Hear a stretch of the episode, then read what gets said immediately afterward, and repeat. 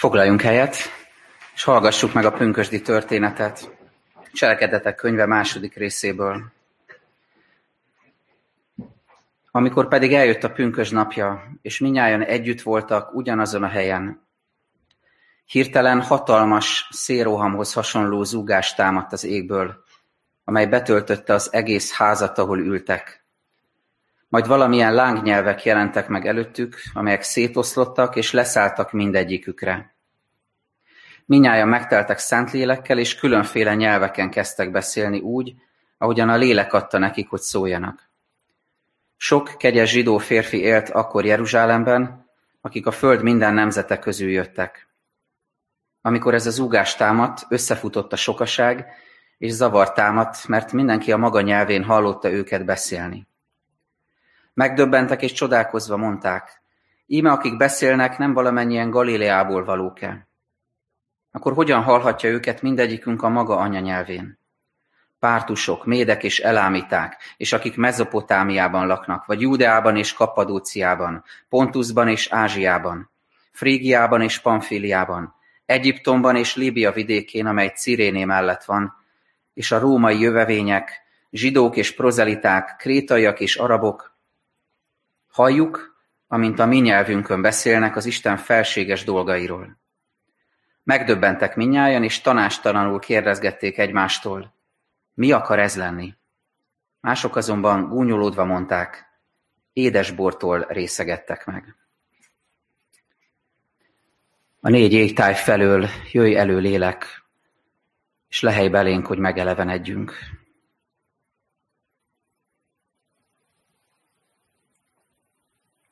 Mindenható Istenünk, annyira hálás a szívünk azért, hogy elhoztál bennünket ide a templomba, hogy testvéri közösségben lehetünk, és hogy otthonainkból is kapcsolódhatunk az Isten tisztelethez és az úrvacsorai közösséghez.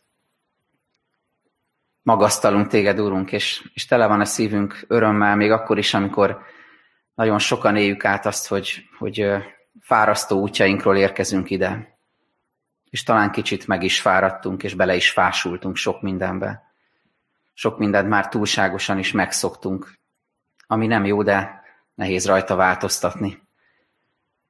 De olyan jó most itt lenni a te közeledben, és olyan jó rád tekinteni, mint aki ma is valóság vagy.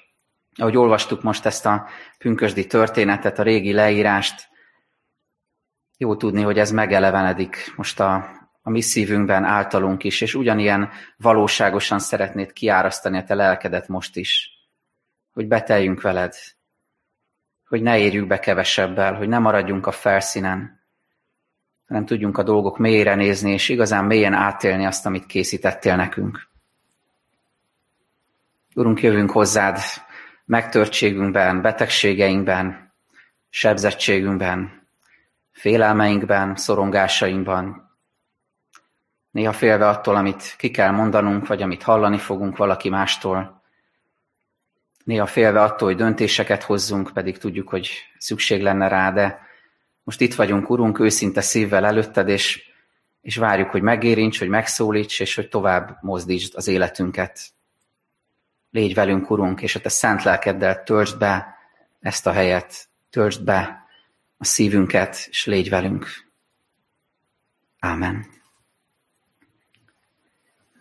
Isten igét olvasom a jelenések könyve harmadik részéből, a hetediktől a tizenharmadik igeversig.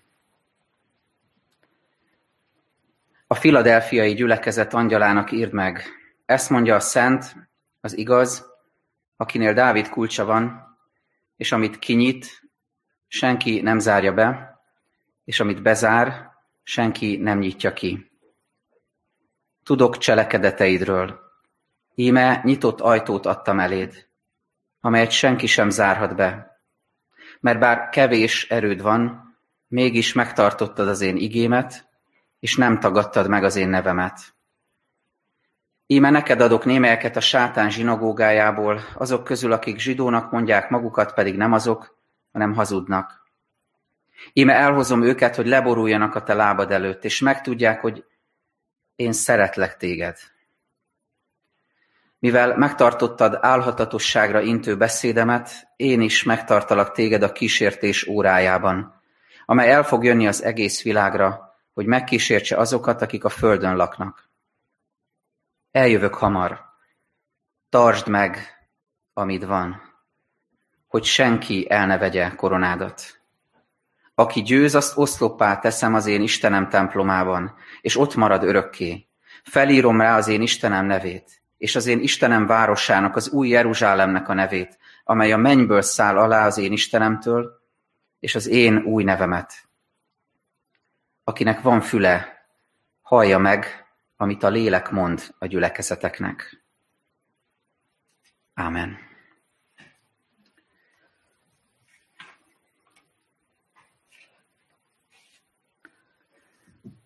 A pünkös düzenete nagyon egyszerűen fogalmazva az, hogy Isten lelke kiárad, betölti az apostolok, a tanítványok szívét, és mindazoknak, akik hallgatják ott az igét, és a hívő ember és a hívő közösség új lendületet, új erőt kap, belső bizonyosságot nyer, és a lélektől való betöltekezést élhet át.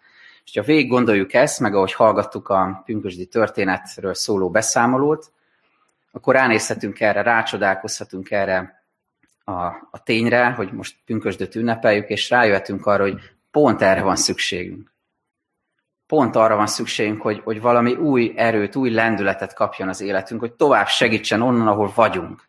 Az is nagy dolog, hogy ide eljutottunk, de Isten szeretne tovább mozdítani bennünket, növekedést adni az életünknek, és ezért szeretne betölteni szent lelkével. És persze sokakban ott van a vágy, hogy, hogy végre legyenek másképpen a dolgok, és van ennek egy, egy ilyen felszínesebb szintje, ami szerintem mindannyiunkban ott van egyébként, tehát ez nem ítélet, hogy felszínes, csak ez egy réteg. Amikor halljuk a, a könnyítéseket, az új szabályokat, hogy már nem kell annyi szabályt betartani, könnyebben lehet mozogni, akkor ugye ennek úgy megörülünk, hogy de jó. De jó, hogy, hogy van változás most már az életünkben, a környezetünkben, és talán sokatok tervezgetik, hogy hova fognak menni nyaralni, hova lehet elutazni, mire lesz lehetőségetek, kivel fogtok találkozni, lehet együtt focizni, sportolni, kirándulni, és lehetne még sorolni. Óriási dolog. De van egy mélyebb szintje ennek. És azért vagyunk most itt, hogy erre a mélyebb szintre is egy kicsit ránézzünk. Mert vágyhatunk arra is ezen a pünkösdön, hogy hogy legyen ne csak külsőleg, hanem a belső lelki világunkban is, a szívünkben is legyen változás, legyen növekedés, legyen mozdulás, legyen gyógyulás a szívünkben, az életünkben, a kapcsolódásainkban, a kapcsolatainkban, a családunkban, a közösségünkben. Hogy megtanuljuk újra, hogy mit is jelent közösségben élni. Hogy újra tudjunk egymáshoz kapcsolódni, hogy ne feszengjünk, amikor találkozunk egymással, meg tudjuk egymást szólítani, és normális módon tudjunk kapcsolatban lenni egymással. Két hete az ige hirdetésben említettem ezt a szószetételt, vagy ezt a félmondatot, hogy árad a menny, talán emlékeztek erre, akkor Péterről és Cornélusról volt szó az ő találkozásukról, meg arról, hogy Péter meg az apostol társai rácsodálkoznak arra, hogy Isten hogyan munkálkodik, és akkor mondtam, hogy ez olyan, mint hogyha azt tapasztalnánk, hogy árad a menny, és azóta egyébként nagyon érdekes, eltelt két hét, és folyamatosan ezt látom, folyamatosan ezt érzékelem. Itt a gyülekezetünkben, ahogy csodák történnek, ahogy emberek élete változik meg, ahogy, ahogy megmozdulunk, ahogy megmozdít bennünket Isten lelke, hogy közelít egymáshoz és önmagához.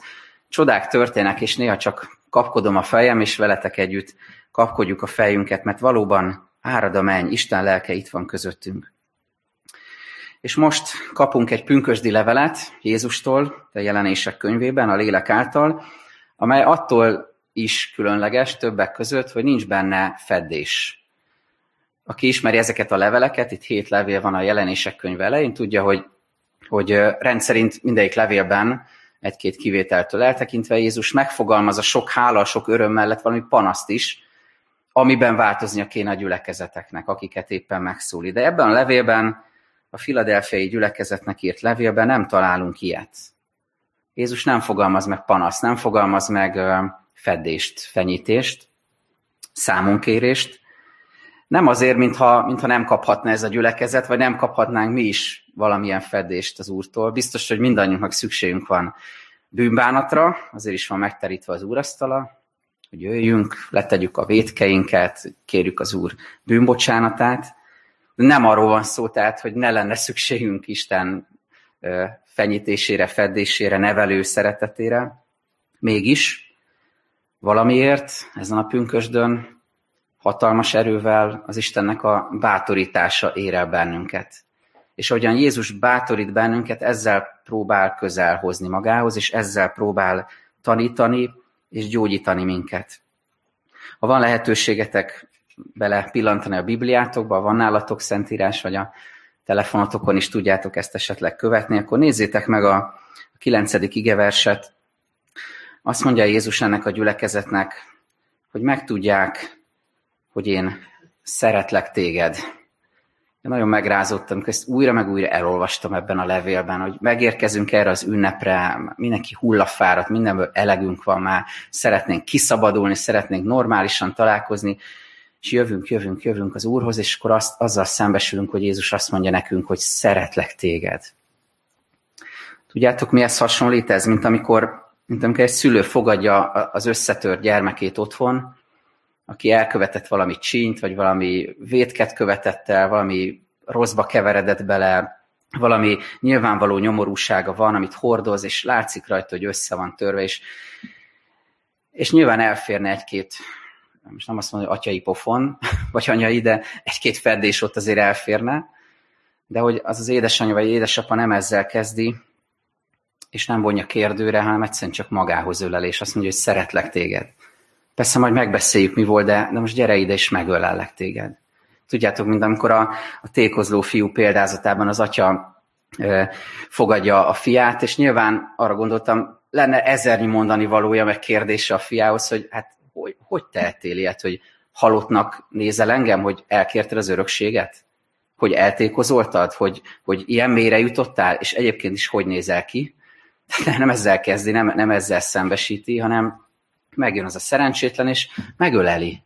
Most arra van szükség elsősorban, és ráteríti a palástot, és lakomát rendez számára, és, és vigadozik, és örvendezik, és nyilván később fontos beszélgetéseket lefolytatnak, de most az ölelésnek van itt az ideje. Én szeretlek téged. Így vár most bennünket Jézus. Akárhogy jöttél, akármiben vagy, a leg, legnagyobb mélységben, legreménytelenebb helyzetben, bűnöket elkövetve, de most itt van Jézus, és azt mondja neked, szeretlek téged. A 13. versben pedig, hogy meglegyen a kerete is ennek a levélnek, bevezetésként azt mondja Jézus, hogy akinek van füle, hallja meg, mit mond a lélek a gyülekezeteknek. És most azért vagyunk itt, hogy, hogy próbáljuk ezt lelki füleinkkel, hitünkkel meghallani. Mit mond most a lélek a gyülekezetnek, nekünk, mit mond neked személyesen és nekem. Három dologról szeretnék beszélni. Először a városról, a gyülekezetről, röviden fogalmazva a közegről, ahova megérkezik ez az üzenet. Utána a nyitott ajtóról, amit Jézus mondta, hogy nyitott ajtót adtam elé, tehát egy lehetőség. És végül pedig azt mondja Jézus, tartsd meg, amit van, ez pedig egy feladat, egy felszólítás. Tehát közeg, lehetőség és felszólítás. Nézzük először a közeget, a várost, a gyülekezetet. Ahogy mondtam, a jelenések könyv elején talán két levelet nagyon különös része ez a, ennek a könyvnek. Hét kizsázsiai gyülekezetet szólít meg Jézus, és ezek közül az utolsó előtti a filadelfiai. Ez a város második Attálos Filadelfoszról kapta a nevét, ő alapította ezt a várost, kb. 200 évvel ezelőtt, mikor ez íródik.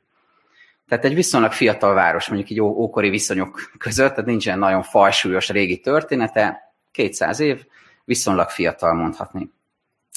Nevezték ezt a várost Kis Aténnak is, nyilván a, a szépsége, a kultúrája miatt, talán az épületek hasonlósága miatt is, és szép városnak is, és egyébként létezik ma is ez a város Törökországban, a mai Törökország területén, és most is a török neve valami ilyesmi, hogy szép város, tehát erre utal.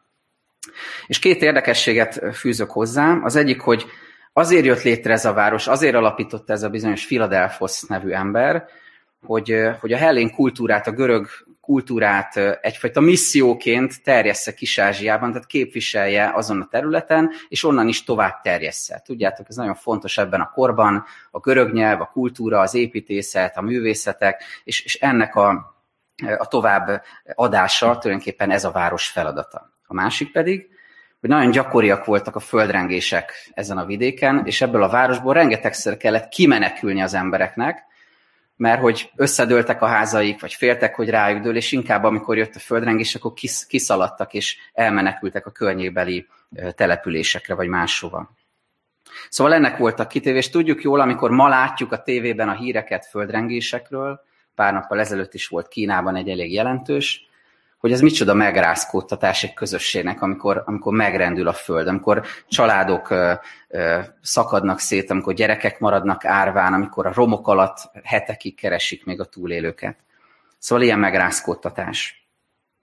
Tehát, ha azt a kérdést tesszük fel, hogy milyen is ez a gyülekezet, akkor azt kell mondjuk, hogy üldöztetésben, szorongattatásban, kisebbségben élő keresztények, ahogyan ma is így van ez a világban, és sorozatos megrázkódtatásoknak vannak kitéve külső értelemben is.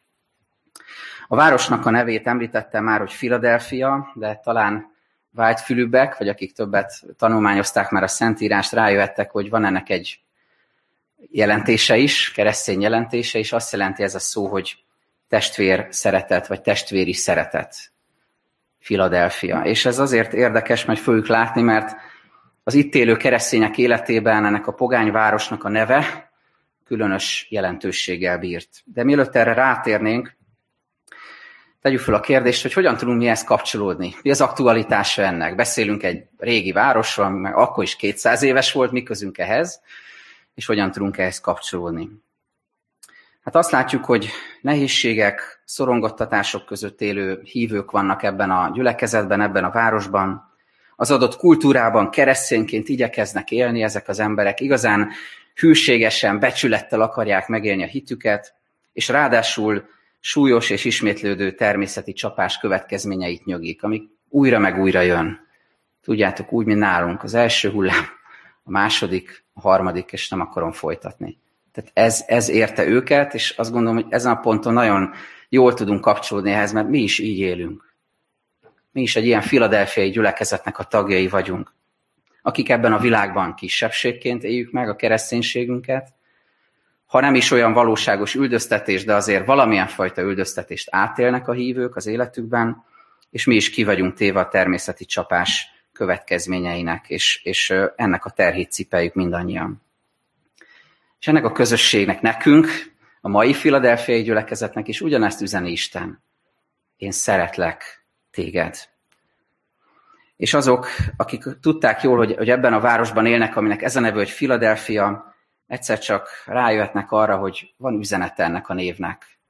Mert hogyha Jézus azt mondja nekünk, hogy szeretlek téged, akkor ez átsugározhat rajtunk, és megélhet, megélhetjük a Filadelfiát, vagyis a testvéri szeretetet egymás iránt. Másképpen nem működik. Fölülről elkérve, elfogadva, és egymás felé ezt árasztva, továbbadva. Így lesz tehát a Hellén kulturális missziós városból a keresztény missziónak a minősített helye, ahol lehet Krisztusról beszélni, ahol meg lehet élni a mindennapokban, még a földrengésekben, a nyomorúságokban, az üldöztetésekben is azt, különösen akkor, azt, hogy Krisztus szeret bennünket, és szerethetjük egymást. Mindegyik pontnál föltesszük a kérdést, ahogy Jézus is mondja, mit mond a lélek a gyülekezeteknek? Mit mond ez most nekünk? Mit üzen ez? Vajon meg tudjuk-e fogalmazni, hogy kik vagyunk mi? Kik vagyunk mi ezen a világon? Vajon csak egy vagyunk a beoltott 5 millió emberből? Vagy egy vagyunk a be nem oltott 5 millió emberből? Csupán ez határoz meg, ez kategorizál bennünket, hogy kik vagyunk ezen a világon 2021-ben? Vagy ennél valami többre hív bennünket Isten? Mit mond a lélek neked ezáltal, és mit mond a gyülekezetünknek? Azt gondolom valami olyasmit, hogy lehetünk mi is ma a filadelfiai gyülekezet, akik meghallják azt, hogy Jézus szereti őket, hogy szeretlek téged, és akik megindulnak arra, hogy egymást is igyekezzenek szeretni. És lehetünk azok, akik újra tanuljuk és gyakoroljuk ezt a bizonyos Filadelfiát, ezt a testvérszeretetet, akik újra belerázódunk a, a régi kerékvágásba, és ha nem is mindent ugyanúgy, mint régen, de valahogy igyekszünk folytatni azt, ami előtte volt, és gyógyulunk, és megjelenítjük a Szentléleknek a munkáját, Krisztus lelkületét ma Budapesten, azon belül is itt Pestidek úton, vagy kihol van éppen, és kit hova helyezett az Úr, azért, hogy Krisztusról beszéljen az életünk. Emlékeztek, azt mondtam, hogy ennek a városnak a neve azt is jelentette, vagy, vagy, vagy így is nevezték ezt a várost, meg ma is nevezik így, hogy szép város. Ha látnál egy úti könyvet, mondjuk készülnél egy nyári utazásra, egy buszos körútra, és ezt nehéz elképzelni, de képzeljük el, és lenne egy úti könyvünk, és benne lenne, hogy azon a vidéken van egy szép város, akkor nyilván nem akarnánk kihagyni, oda akarnánk menni. A szép város mindenki látni akarja, nem? De azon gondolkoztam, hogy itt vagyunk Budapesten, ami egy szép város, gyönyörű. Nekünk a legszebb, mert itt lakunk, szeretjük, és itt van Pestidek út, ami szintén gyönyörűséges, és jó itt lakni, ez a szép város. De hogy olyan jó, hogy ennek a városnak van egy másik neve is, az, hogy Philadelphia. Hogy el lehet kérni az isteni, a krisztusi szeretetet, és meg lehet élni egymás között. És azért lehet idejönni másoknak, és azért lehet gyönyörködni ebben a szép városban, mert megjelenik az Isten szépsége általunk és bennünk. Hadd legyen a mi gyülekezetünk is ilyen. Mit mond a lélek a gyülekezetnek? Hogy ebben növekedjünk. Hogy eljön ez a hely ne csak szép hely, ne csak szép város, hanem az Isten országának a helye. Másodszor a közeg után, a város, a gyülekezet után meghallhatjuk Jézus szavát, aki azt mondja, nyitott ajtót adtam eléd. Ez a lehetőség. Milyen sokszor látjuk a Bibliában, hogy, hogy, hogy Isten ajtókat nyit ki, hogy lehetőségeket ad az övéinek. Csak egy párat hadd soroljak fel. Kinyílik például a bárka ajtaja, és bemehetnek mindazok, akik aztán megmenekülnek, akikkel Isten szövetséget köt, akikkel új, újat kezd ezen a világon, az átmosott, áttisztított világon. Megnyílik az út Ábrahám előtt, aki elindul, ahogy az új szövetségben olvassuk róla, nem tudva, hova megy, de mégis elindult, mert megnyílt előtte az út, megnyílt előtte az ajtó egy új világ felé. Megnyílik Egyiptom kapuja, a rabságnak a kapuja, meg a vörös tenger, mint egy óriási ajtó, és átmegy rajta az Isten népe, és, és megszabadul a rabságból. Megnyílik Mária szíve, és a megnyíló szív befogadja a megváltó érkezését, és általa jön el Jézus Krisztus ebbe a világba. Ahol Jézus jár, megnyílnak az otthonok ajtajai. Bemegy például Zákeushoz, akit mindenki utál, mert elveszi az emberek pénzét, és, és megnyílik ennek az otthonnak az ajtaja, és Jézus együtt eszik ezzel a Zákeussal. És Zákeus élete megváltozik. Amikor Jézus meghal, és, és azt kiáltja, hogy elvégeztetett, akkor a templom kárpítja ketté hasad. Az is egy megnyíló ajtó. Annak a szimbóluma, hogy lehet menni az Úristenhez közvetlen módon. Megnyílik az üres sír, elhengeredik a kő, és az élet győzelmét hirdeti, megnyílik ez az ajtó is, ami leglehetetlenennek tűnt. És megnyílik pünköskor is az ajtó, mert az apostolok együtt vannak, de be vannak zárkózva. Azonban, amikor kiárad rájuk az Istennek a lelke, akkor nem kérdés számukra, hogy nem itt fogunk örömködni magunk között, és csinálunk egy jó kis pünkösdi bulit, hanem kinyílik az ajtó, és kimennek az emberek közé és megnyitják a szívüket, és prédikálnak az Úristenről, és me- megtérnek az emberek, mert megtelik a szívük az Isten lelkével. Lehetne még sorolni a bibliai példákat, de látjuk, hogy, hogy valami nagyon fontosat és nagyon bátorítót akar nekünk mondani Jézus a lélek által, amit itt a 7.-8. versben olvasunk. Ezt mondja a szent, az igaz, akinél Dávid kulcsa van, és amit kinyit, senki nem zárja be, és amit bezár, senki nem nyitja ki. Tudok cselekedeteidről, íme nyitott ajtót adtam eléd. Bár kevés erőd van, de megtartottad az én igémet. Arról beszél itt Jézus, hogy, hogy lehetőségünk van arra, hogy felfedezzük ezt a nyitott ajtót. És egy ószövetség képet használ, érdemes elolvasni az Ézsaiás 22-ben részletesebben is. Dávid király palotájának, királyi palotájának az egyik udvarmesteréről van szó, Sebnáról, az, azon a részen, aki méltatlanná válik erre a, erre a posztra, erre a hivatásra, elveszik tőle ezt a hivatást, ezt a megbízatást, és egy Eljákin nevű embernek adják át. És akkor olvassuk, hogy a Dávid kulcsa, a Dávid palotának a kulcsa egyik embertől átkerül a másikra. És ez lehetőséget ad neki, hogy gyakorolja a, a hivatását.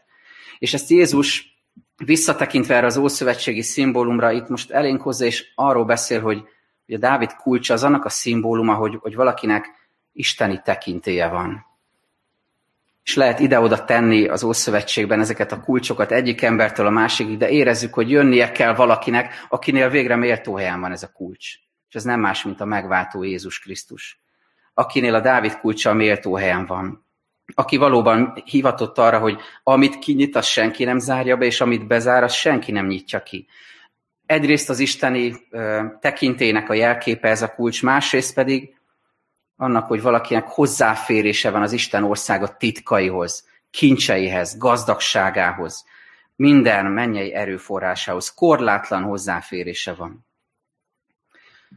És most, amikor, és itt kapcsolódhatunk ez az üzenethez, most, amikor már szinte megszoktuk a korlátozott, a leszabályozott életet, szinte hozzászoktunk ahhoz, hogy, hogy csökkentett üzemmódban dolgozunk és, és élünk, és, és megszoktuk, hogy, hogy sok mindenre nincs lehetőségünk, hozzászoktunk ahhoz, hogy mindenből kevesebb jut, most olyan nagy szükségünk lenne arra, hogy meghalljuk a lélek hangját, és, és Jézus szóljon nekünk, hogy figyeljetek, nyitott ajtót adtam eléd, elétek. És ki akarom nyitni az Isten országa minden gazdagságát számotokra, hogy ne a sebeiteket nyalogassátok, hogy ne azt nézzétek, hogy miből van kevés, miben küzdködünk, miben szűkölködünk, mennyire rossz nekünk, hogy így van, hanem hogy vegyétek észre, hogy kinyílik a mennyek országa számotokra. Nyitott ajtót adtam eléd. Azt mondja Jézus, az én kulcsom kitárja előtted a mennyei kincsek tárházát, a lehetőségeket, hogy halld az igét, hogy közösséget émek, hogy gyere újra a templomba, és legyél valóságos közösségben a testvérekkel, hogy tudjál szolgálni, adni, hogyha hálás vagy, akkor ezt fejezd ki azzal, hogy szolgálsz másoknak Isten dicsőségére. Hogy gyógyulj a szívedben, a kapcsolataidban. Hogy ami most lehetetlennek tűnik, az legyen lehetséges számodra. Hidd el, hogy az lehetséges lehet a legkétségbejtőbb helyzetből is több mint húsz éves emlékeim jutott eszembe, amikor Káposztás megyeren, az ottani református formálódó közösségben megfogalmazódott a gondolat, hogy templomot építenek a hatalmas tízemeletes házak gyűrűjében. És meghívtak bennünket oda, még talán teológus koromban, volt egy együttesünk, és meghívtak minket egy ilyen nyílt napra, ahol zenéltünk, bizonságot tettünk, beszélgettünk az emberekkel, kis missziós alkalom volt, és emlékszem rá nagyon élesen, ahogy ott álltam a színpadon, és pengettem a basszusgitárt, és így körbenéztem, és mindenhol csak a préri volt. Tehát szürke házak, meg a préri. És, és azt kellett elhinni abba a pillanatban, hogy, hogy egyszer itt egy templom fog állni. És mi most azért zenélünk, azért éneklünk, azért beszélünk Jézusról, azért osztunk röplapokat, mert itt egyszer egy templom lesz. És, és nagyon élesen bennem van, hogy, hogy nagyon nehéz volt ezt elhinni, hogy ránéztem erre a sivatagra, és, és hogy itt valami történni fog. És valahogy ezt az élményt lehet nekünk most feleleveníteni és megerősíteni, hogy, hogy bármilyen lehetetlen helyzetben vagy, bármennyire sivatagot meg blokkházakat látsz a lelkedben most, ahol azt érzed, hogy ez lehetetlen. Hidd el, az Isten lelke ezt meg tudja termékenyíteni, meg tudja öntözni az ő áldásával, esőjével, és itt valami élet fog felnövekedni. És olyan jó volt, egy pár héttel ezelőtt arra autóztam, és ott van már felépülve a templom, már több mint tíz éve, és megálltam a parkolóba, és csak néztem ki a szélvédőn keresztül, és hálát adtam az Úrnak, hogy, hogy ott, ott él ez a gyülekezet, ott van ez a templom. Így működik az Isten lelke. A mi életünkben is életre tud kelteni bennünket. Szó volt tehát a közegről, ahol megszületik ez a levél, ahova megérkezik, aztán a lehetőségről, hogy megnyílik az ajtó, és végül Jézus azt is mondja, hogy tartsd meg, amit van. Figyeljétek meg, hogyha van előttetek Biblia, hogy milyen sokféleképpen fogalmazza ezt ebben a levélben Jézus, és milyen sokszor előkerül ez a, ez a kifejezés. Bár kevés erőd van, mégis megtartottad az én igémet. Hogy megtartottad álhatatosságra intő beszédemet. Én is megtartlak téged. Tartsd meg, amit van. Újra meg újra jön a megtartásról és a megtartatásról szóló üzenet. Pálapostól így fogalmazza ezt Timóteusnak, a rád bízott drága kincset őriz meg a bennünk lakozó Szentlélek által. Mert hogy a filadelfiai hívők nem azért maradtak meg a hellén pogány kultúra szorításában, és az ismétlődő földrengések, természeti csapások következményeit hordozva, mert szerencsések voltak, vagy mert olyan jó stratégiákat dolgoztak ki a gyülekezetükben a túlélésre, vagy mert ügyes egyházpolitikát folytattak, nem. Nem ez segítette őket, hanem azért maradtak meg, mert ragaszkodtak ahhoz, ami igazán fontos. És tudom, hogy ez borzasztó egyszerűen hangzik, de mégis most ez az üzenet. Ragaszkodni ahhoz, ami igazán fontos. Ragaszkodni hűségesen ahhoz, megtartani azt az életünkben, nagyon belekapaszkodni abba, ami igazán fontos, ami az életünk alapját jelenti, ami valódi kincs. Jézus azt mondja egy helyen, aki vallást tesz rólam az emberek előtt, én is vallást teszek arról az én mennyei atyám előtt.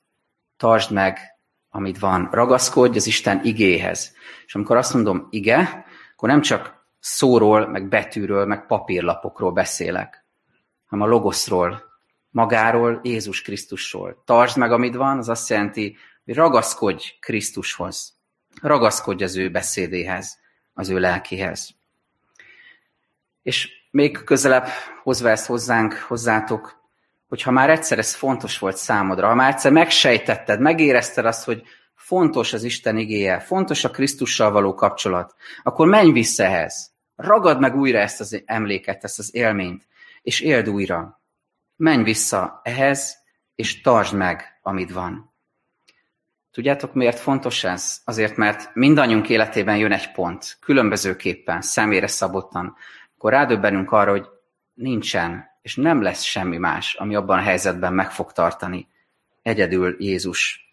Nem lesz, aki megtartana a kísértéseidben, a támadásokban, a félelmeidben, amikor magadra maradsz és rád zuhan ez a létszorongás.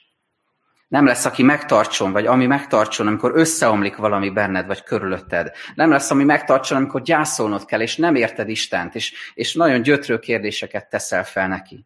És viaskodsz ezzel naponta. Nem lesz, ami megtartson, amikor szépen kigondolt tervek szerint halad az életed, és egyszer csak minden összeomlik, és minden másként alakul, mint ahogy tervezted. Nem lesz, ami megtartson, amikor megítélnek a hited, hited miatt, vagy amikor újra kell kezdened valamit. Nem lesz más bizonyosság. Egyedül Jézus. Mit mond a lélek a gyülekezetnek, és mit mond nekünk személyesen? Az, hogy ő azért árad ki az apostolok életébe és a mi életünkbe is, hogy megtartsuk, amink van, és ragaszkodjunk ez, mert ez fog megtartani bennünket. Újra elém került a napokban egy extrém sportolónak a példája, talán hallottatok róla, lehet, hogy már tőlem is, Alex Honold, aki egy sziklamászó, aki kötél nélkül is fölmegy hatalmas sziklákra. Pár évvel ezelőtt egy ezer méter magas El Capitan nevű sziklára mászott fel, előtte legyakorolta több ezerszer kötéllel, végül pedig fölment kötél nélkül. És az erről készült dokumentumfilm is olyan, hogyha nézed, akkor így elkezd remegni a lábad, legalábbis nekem. De annyira ijesztő azt látni, hogy valaki kötél nélkül felmegy egy ilyen sziklára. Elképesztő. És látszik rajta, hogy teljesen kisimult arcvonásokkal, biztos lépésekkel és fogásokkal halad fölfelé, és néha fönt lehet látni a barátait, akik filmezik, és az ő arcukon több aggodalom van, mint azon, aki ott mászik. És ezen gondolkoztam ezt a képet újra felidézve, hogy, hogy a hit az valami ilyesmit jelent. Amikor azt mondja Jézus, hogy tartsd meg, amit van, és én is megtartalak téged, és nem fogsz lezuhanni, és nem fogsz összezúzódni, nem fogsz elpusztulni, akkor ez valami ilyesmit jelent. Hogy biztosító kötél nélkül, ami elképesztő, ijesztően hangzik, de megyünk fölfelé ezen a sziklán. És Jézus segít bennünket ezen az úton.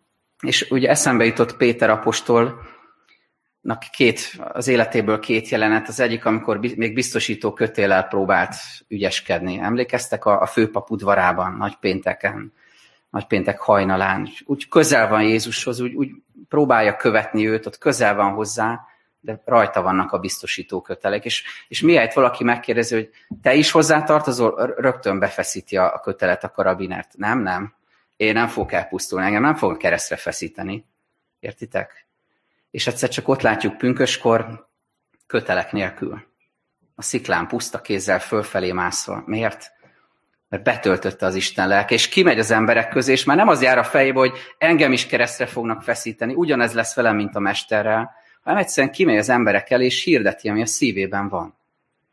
Ezt jelenti hitből élni, és erre hív ma is bennünket az Úristen az apostolok életére kiáradt az Isten lelke, és két bizonyosságuk volt, és ezzel fejezem be. Az egyik, hogy nyitott ajtó van előttünk, és mozdulnunk kell, a másik pedig, hogy egy valaki van, aki igazán arra tud indítani minket, hogy mozduljunk. Egy valaki van, aki miatt érdemes mozdulni, és ez nem más, mint Jézus. Az ő lelke töltse be a mi gyülekezetünket, és egyenként a szívünket is. Ámen. Pünkösd ünnepe. nagyon különleges, mert ami áldott orvosunk nem csak megtervezte a mi gyógyulásunkat, megmentésünket, nem csak megszerezte és elkészítette ezt az orvosságot, hanem a Szentlélek ünnepén azt is tudhatjuk, hogy elküldte hozzánk a szívünkbe egészen a miénk is lehet. Csak két verset hadd olvassak föl a Galata levél 5. fejezetéből. Krisztus szabadságra szabadított meg minket. Álljatok meg tehát szilárdan, és ne engedjétek magatokat újra a szolgaság igájába fogni. Mi ugyanis a lélek által hitből várjuk az igazság reménységét. Amen. Adjunk hálát a mi Urunknak, hálával, örömmel, imádságban. Mindenható Úrunk, dicsérünk és magasztalunk Téged ezért a nagy ajándékért, amit most olyan kézzel fogható, ízlelhető formában is megtapasztalhattunk. Köszönjük, Urunk, hogy amilyen valóságosan mi megehettük most ezt a falat kenyeret, és megihattuk ezt a korgybort, olyan valóságosan elvégeztette a mi megváltásunkat. Urunk, arra kérünk, küld el hozzánk szent lelkedet, hadd bátorítson, erősítsen bennünket minden nap életünk egészében. Urunk, kérjük a Te szent lelkedet, hogy, hogy teremd a mi életünkben a Te gyümölcseidet, a szeretetet, örömöt, békességet, türelmet, szívességet, jóságot, hűséget, szelítséget és önmegtartóztatást. Köszönjük, hogy Te ezekkel mind el tudsz tölteni bennünket szent lelked által. Köszönjük a Te nagy szeretetedet, hogy ez kiáradhatott most is, és kiáradhat majd közöttünk. Dicsőség legyen neked ezért. Amen. Fennállva imádkozzunk a mi Urunktól, Jézustól tanult imádság szavaival. Mi atyánk, aki a mennyekben vagy, szenteltessék meg a te neved. Jöjjön el a te országod, legyen meg a te akaratod, amint a mennyben, úgy a földön is. Minden napi kenyerünket add meg nekünk ma, és bocsásd meg vétkeinket, miképpen mi is megbocsátunk az ellenünk védkezőknek, és ne védj minket kísértésbe, de szabadíts meg a gonosztól, mert tiéd az ország, a hatalom és a dicsőség mindörökké. Amen.